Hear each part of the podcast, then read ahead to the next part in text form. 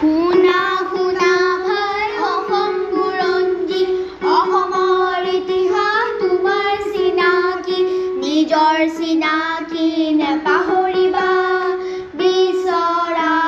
মূৰ তুলি ৰ'বা শুনা শুনা ভাই অসম বুৰঞ্জী উতলা যোৱাবাৰ আমি গাইডালনৰ কথা কৈছিলোঁ? আৰু তাইক কেনেকৈ যাৱজ্জীৱন কাৰাদণ্ড দিছিলে। তাৰপিছত ঊনৈছশ সাতচল্লিছ চনত যেতিয়া ভাৰত স্বাধীন হ'ল তেতিয়াহে তেওঁ মুক্তি পাইছিলে। এইখিনি কথা আমাৰ কোৱা হ'ল। আজি আমি ক'ম বুলি ভাবিছিলোঁ যে লণ্ডনত ঘূৰণীয়া মেজমেল আৰু আন্দোলনৰ দ্বিতীয় পৰ্যায় কেনেকৈ আৰম্ভ হৈছিলে। আইন অমান্য আন্দোলন চলি থকা অৱস্থাতে কি হ'ল লণ্ডনত ঊনৈছশ ত্ৰিছ চনৰ নৱেম্বৰ মাহত ঘূৰণীয়া মেজমেলৰ প্ৰথম বৈঠক বহে। আৰু সেই আন্দোলনতে আমাৰ বহুতো নেতা নেতাক বন্দী কৰি থৈছিলে। কৈছিলে নহয়। তে এই সভাত কংগ্ৰেছৰ বাদে ভাৰতৰ বিভিন্ন ৰাজনৈতিক দলে যোগদান কৰিছিল। অসমৰ পৰা যোগদান কৰিবলৈ গৈছিলে চন্দ্ৰধৰ বৰুৱা। তো চন্দ্ৰধৰ বৰুৱাই অসমৰ পৰা লণ্ডনৰ প্ৰথম যিখন ঘূৰণীয়া মেজমেল তাত তাৰমানে অংশগ্ৰহণ কৰিব গৈছিলে। কিন্তু মানুহবিলাকে তাত এই ঘূৰণীয়া মেজমেলত কি হ'ব বুলি ভাবিছিলে যে ভাৰতক স্বাধীনতা দিয়াৰ কথাটো আলোচনা কৰিব বুলি বা স্বাধীনতা নহ'লেও অধিৰাজ্য মানে আধাখিনি ৰাজ্য ভাৰতক দিব মানে। আধা সিহঁতি শাসন কৰিব আধা ভাৰতে শাসন কৰিব। এনেকুৱা এখন অধিৰাজ্য পাম বুলি তেওঁলোকে ভাবিছিলে। কিন্তু অধিৰাজ্য মৰ্যাদা নাপাব বুলি জানি কংগ্ৰেছী সদস্যসকলে তাক যোগদান নকৰিলে ফলত কোনো এক সৰ্বসন্মত সিদ্ধান্তও এই ঘূৰণীয়া মেজমেলে ল'ব নোৱাৰিলে। এনে পৰিস্থিতিত গান্ধীকে আদি কৰি বন্দী হৈ থকা কংগ্ৰেছী নেতাসকলক বিনা চৰ্তে মুক্তি দি চৰকাৰী পক্ষই বুজাপৰলৈ আহিব বিচাৰি ভাইচৰয় আৰউইনে গান্ধীৰ লগত এখন চুক্তি কৰিলে। সেই চুক্তিখনৰ নামটোৱে হৈছে গান্ধী আৰউইন চুক্তি। কি নামটো? গান্ধী চুক্তি। চুক্তি। অঁ। তাৰপিছতে এই এইটো এই চুক্তিখন হৈছিলে ঊনৈছশ একত্ৰিছ চনত নাইনটিন থাৰ্টি ওৱানত এতিয়া সকলো ৰাজনৈতিক বন্দীকে মুক্তি দিবলৈ সিদ্ধান্ত কৰিলে এই চুক্তিমতে কিন্তু তেতিয়াও আকৌ কিছুমানক মুক্তি নিদিলে। কাক কাক নিদিলে? যে যিবিলাক কমিউনিষ্ট আদৰ্শত আছিলে যিবিলাকে সমাজবাদী চিন্তা বা হিংসাত্মক কাৰ্যৰে সংগ্ৰাম কৰিছিলে সেই সেই তেনেকুৱা কোনো লোককে কিন্তু কি কৰিলে? কোনো লোক কোনো লোকৰ কথা চুক্তিখনত নোলালে আৰু তেওঁলোকক কি কৰিলে জেলৰ পৰা মুক্তিও নিদিলে। আৰু এই চুক্তিমতে গান্ধীয়ে দ্বিতীয়বাৰ ঘূৰণীয়া মেজমেলত যোগ দিবলৈ সন্মতি হ'ল। গান্ধীয়ে দ্বিতীয়খন যিটো ঘূৰণীয়া মেজমেল তাত যোগদান দিবলৈ যদিও তেওঁ হেৰি হ'ল সন্মত হ'ল কিন্তু সেই সময়ত গান্ধীৰ বিপক্ষে গৈছিলে। জৱাহৰলাল নেহৰু সুভাষ চন্দ্ৰ বোস আদিয়ে তাৰমানে এই ঘূৰণীয়া মেজমেলত যোগ দিব নালাগে বুলি কৈছিলে। বুজিছানে? গান্ধীজীৰ বিৰুদ্ধে গৈছিলে। আৰু প্ৰতিবাদ জনাইছিল যে তেতিয়া কি হ'ল? কং গান্ধীজী অকলেই গুচি গ'ল। বুজিছা? তাত যোগ দিবলৈ।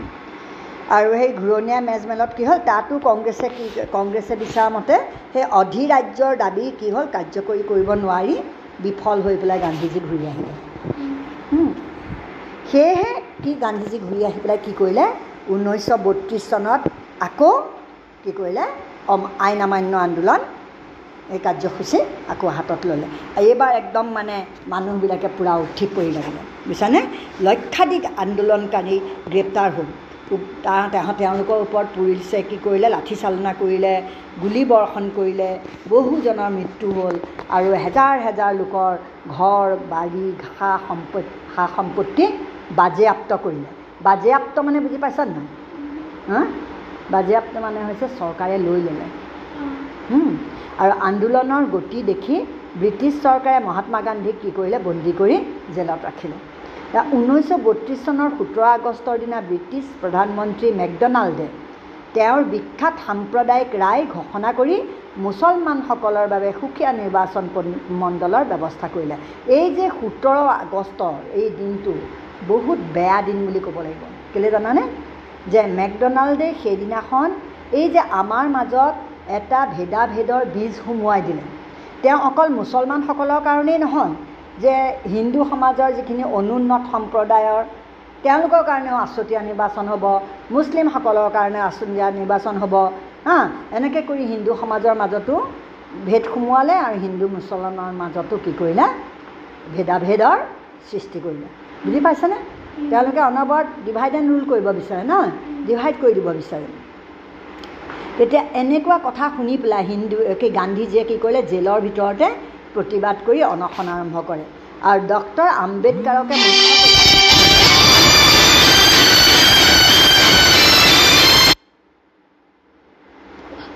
অঁ যিখন মানে যিসকল মানে অনুন্নত সম্প্ৰদায়ৰ বাবে আছুতীয়া নিৰ্বাচন মণ্ডলৰ তেওঁ ব্যৱস্থা কৰিলে এনেদৰেই হিন্দু সমাজৰ মাজত বিভাজনৰ বীজ সোমোৱাবলৈ আৰম্ভ কৰাত গান্ধীজীয়ে তেনেহ'লে প্ৰতিবাদ কৰিলে অনশন কৰিলে আৰু চুক্তি কৰি সুকীয়া নিৰ্বাচন মণ্ডলৰ ঠাইত বিধান পৰিষদত তেওঁলোকৰ বাবে আসন সংৰক্ষণৰ ব্যৱস্থা কৰিলে।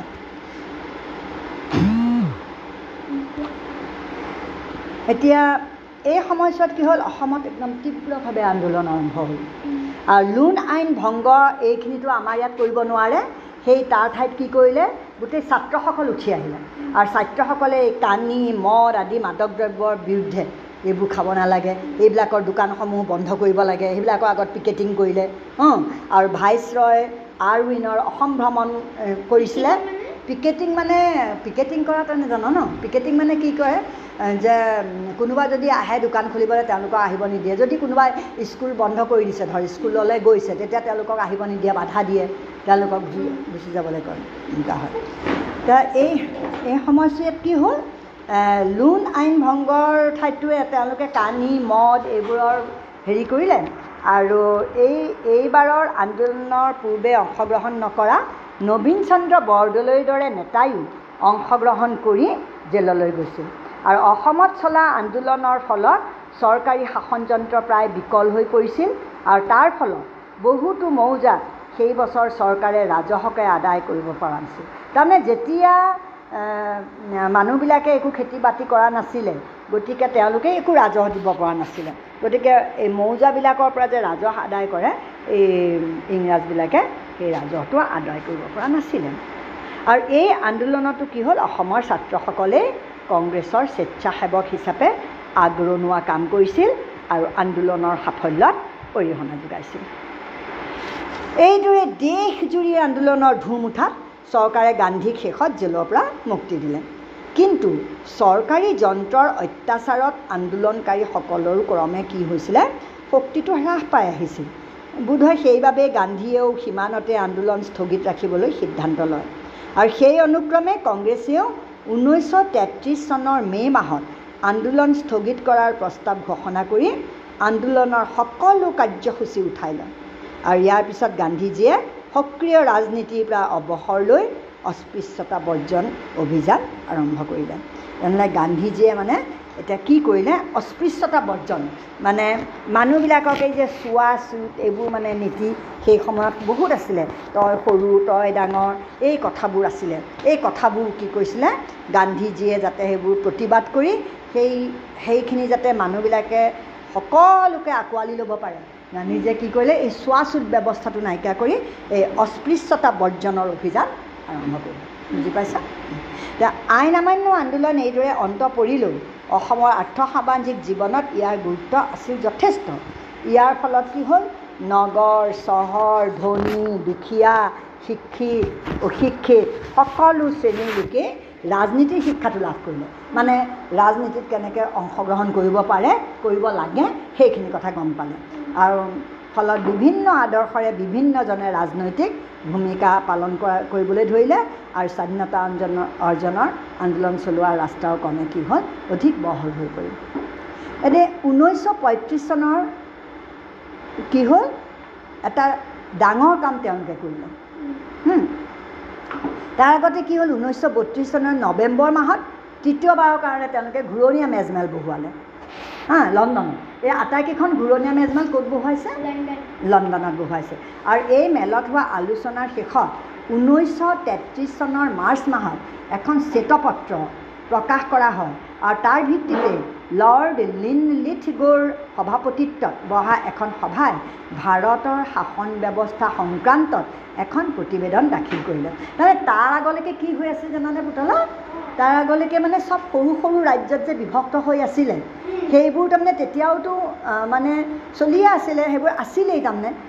এতিয়া মানে তেওঁ কি কৰিলে তেওঁলোকে কি ঠিক কৰিলে যে এখন আমাৰ বৰ্তমান যিখন মানে ভাৰত সেই সেইটো সেই সময়তেই হৈছিলে। বুজিছা? এই লৰ্ড লিন লিথবৰ দিনতে তেওঁলোকে কি কৰিলে? চৰকাৰে ঊনৈছশ পঁয়ত্ৰিছ চনত ভাৰত শাসন আইন প্ৰণয়ন কৰিলে। আৰু ইয়াৰ দ্বাৰাই প্ৰদেশ আৰু দেশীয় ৰাজ্যবিলাক লগ লগাই এখন ভাৰত যুক্তৰাজ্য গঠন কৰিবলৈ সিদ্ধান্ত গ্ৰহণ কৰা হয়। আৰু ভাইচৰয়জনে যুক্তৰাজ্যখনৰ মূল প্ৰশাসক হিচাপে থকাৰ সিদ্ধান্ত কৰা হয়। এতিয়া কি হ'ল? আমাৰ এতিয়া যেনেকৈ ৰাষ্ট্ৰপতিজন মেইন হয় নহয়? তেতিয়া তেতিয়া সেইটো সময়ত কোন মেইন আছিলে? ভাইচৰয়জন। আৰু প্ৰদেশবিলাকৰ আমাৰ এতিয়া কি? গৱৰ্ণৰ আমাৰ গৱৰ্ণৰজন মেইন হয়। আৰু তেতিয়াও কি কৰিছিলে তেওঁলোকে আমাৰ যিবোৰ বিধানসভাও তেওঁলোকে পাতিছিলে বুজিছানে? বৰ্তমান যিটো শাসন ব্যৱস্থা সেই সময়তেই আৰম্ভ হয় তাৰমানে। এতিয়া তেওঁক সহায় কৰিবলৈ কেন্দ্ৰত এখন মন্ত্ৰী পৰিষদ আমাৰ যেনেকৈ কেন্দ্ৰত মন্ত্ৰী পৰিষদ আছে এতিয়া এতিয়া সেইটো সময়তেই কেন্দ্ৰত এখন মন্ত্ৰী পৰিষদ কেন্দ্ৰীয় মন্ত্ৰী তাৰমানে কেন্দ্ৰ কেন্দ্ৰৰ এটা শাসন পদ্ধতি আছে নহয় পাৰ্লিয়ামেণ্ট এখন আছে। সেই এতিয়া বৰ্তমান যেনেকৈ আছে সেই তেতিয়াৰ পৰাই তাৰমানে কেন্দ্ৰত এখন মন্ত্ৰী পৰিষদ গঠন কৰাৰ ব্যৱস্থা কৰিলে আৰু এই আইনমতে ভাইচৰয়ে মন্ত্ৰীসকলক ভঙা পতা কৰাৰ ক্ষমতা লাভ কৰে আৰু কেন্দ্ৰত ৰাজ্য পৰিষদ বা উচ্চ সদন আৰু বিধান পৰিষদ বা নিম্ন সদন নামে দুখন পৰিষদ গঠন কৰাৰ সিদ্ধান্ত কৰা হয়। কিন্তু সেই সময়ত আমাৰ বৰ্তমান যিটো গণতান্ত্ৰিক পদ্ধতি সেই পদ্ধতিটো ইমান ভালকৈ নাছিলে বুজিছা? এইদৰে বিভিন্ন প্ৰকাৰে ব্যৱস্থা কৰি কেন্দ্ৰত এক প্ৰকাৰ দ্বৈত শাসন ব্যৱস্থাৰ প্ৰৱৰ্তন কৰা হয়। কেন্দ্ৰত মানে দুই ধৰণৰ শাসন ব্যৱস্থাৰ প্ৰৱৰ্তন কৰিলে। সেইদৰে প্ৰদেশবিলাকতো বিধানসভাবিলাকৰ ক্ষমতাৰ সম্প্ৰসাৰণ ঘটোৱা হয়। ইয়াতো গৱৰ্ণৰ বা চিফ কমিশ্যনাৰ অধীনত এখন মন্ত্ৰী পৰিষদ থকাৰ ব্যৱস্থা কৰা হয়। কিন্তু এই আইনৰ ফলত সকলো ক্ষেত্ৰতে গৱৰ্ণৰজনৰ সাৰ্বভৌম ক্ষমতা থকাত মন্ত্ৰী পৰিষদখনে তেওঁৰ ইচ্ছা অনিচ্ছাৰ বিৰুদ্ধে কোনো কাম কৰিব নোৱাৰিছিল। এতিয়া সেই সময়ত চোৱা গৱৰ্ণৰজনেই মেইন আছিল। কিন্তু বৰ্তমান আমাৰ এতিয়া বৰ্তমান যদিও ৰাষ্ট্ৰপতি প্ৰধান কিন্তু ৰাষ্ট্ৰপতিৰ মতে সকলো কাম নহয়। গম পাইছেনে? কেন্দ্ৰীয় পৰিষদৰ মতেহে সকলো কাম হয়। আৰু ঠিক তেনেকৈ প্ৰদেশতো প্ৰদেশবিলাকত ৰাজ্যবিলাকত গৱৰ্ণৰৰ মতে নহয় গৱৰ্ণৰে চৰকাৰ ভঙা পতা কৰিব নোৱাৰে বুজিছানে? মন্ত্ৰী পৰিষদেহে পাৰিব। সেইটোৱে এটা ডিফাৰেঞ্চ তাৰমানে তেতিয়াৰ আৰু এতিয়াৰ হা? প্ৰদেশবিলাকৰো কিছুমানত আকৌ দুখনকৈ সদন ৰখাৰ ব্যৱস্থা কৰিছিলে। সেইমতে অসম বিধান অসমতো দুখন পৰিষদ আছিল তেতিয়া বুজিছানে? অসমত এখন আছিলে বিধান পৰিষদ লেজিছলেটিভ কাউন্সিল কয় তাক আৰু সেই বা উচ্চ সদন। আৰু বিধানসভা বা নিম্ন সদন তাক কয় লেজিছলেটিভ এছেম্বলি এতিয়া M L A M L A মানে কি? মেম্বাৰ অফ লেজিছলেটিভ এছেম্বলি তাৰমানে বৰ্তমান আমাৰ লেজিছলেটিভ কাউন্সিল নাইকিয়া। এখনেই আছে এতিয়া। হা তেতিয়া কিন্তু দুখন আছিলে। আৰু উল্লেখনীয় যে আইনমতে অসমৰ এই সময়ৰ পাৰ্বত্য অঞ্চলসমূহ আংশিক বা সম্পূৰ্ণভাৱে অসমৰ শাসন ব্যৱস্থাৰ পৰা বাদ দি থোৱা হ'ল। যিবোৰ পাৰ্বত্য অঞ্চল আছিলে পৰ্বতীয়া অঞ্চল আছিলে মণিপুৰ নাগালেণ্ড এইবোৰ চব বাদ দি দিছিলে শাসন ব্যৱস্থাৰ পৰা।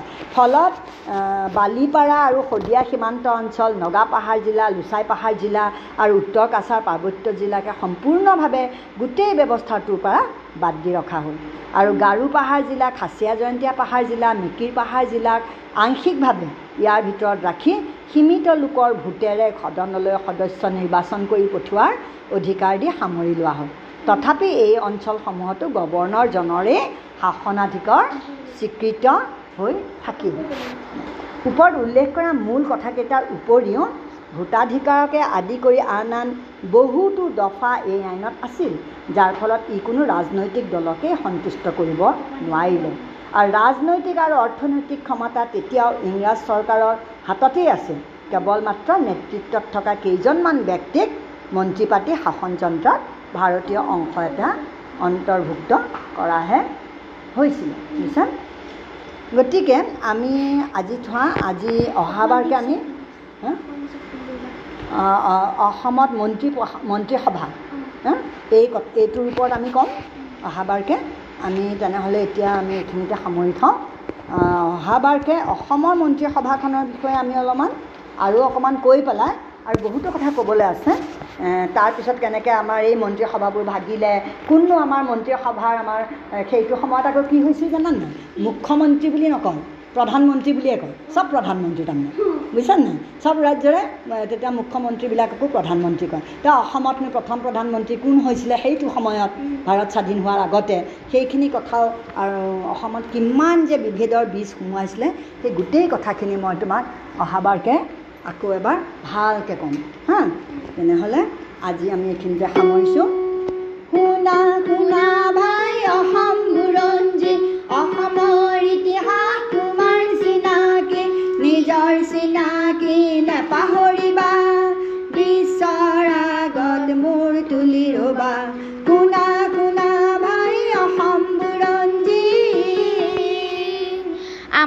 চেনেলটো ফ'ল' কৰি দিব ভিডিঅ'বোৰ লাইক কৰি দিব আৰু শ্বেয়াৰ কৰি দিব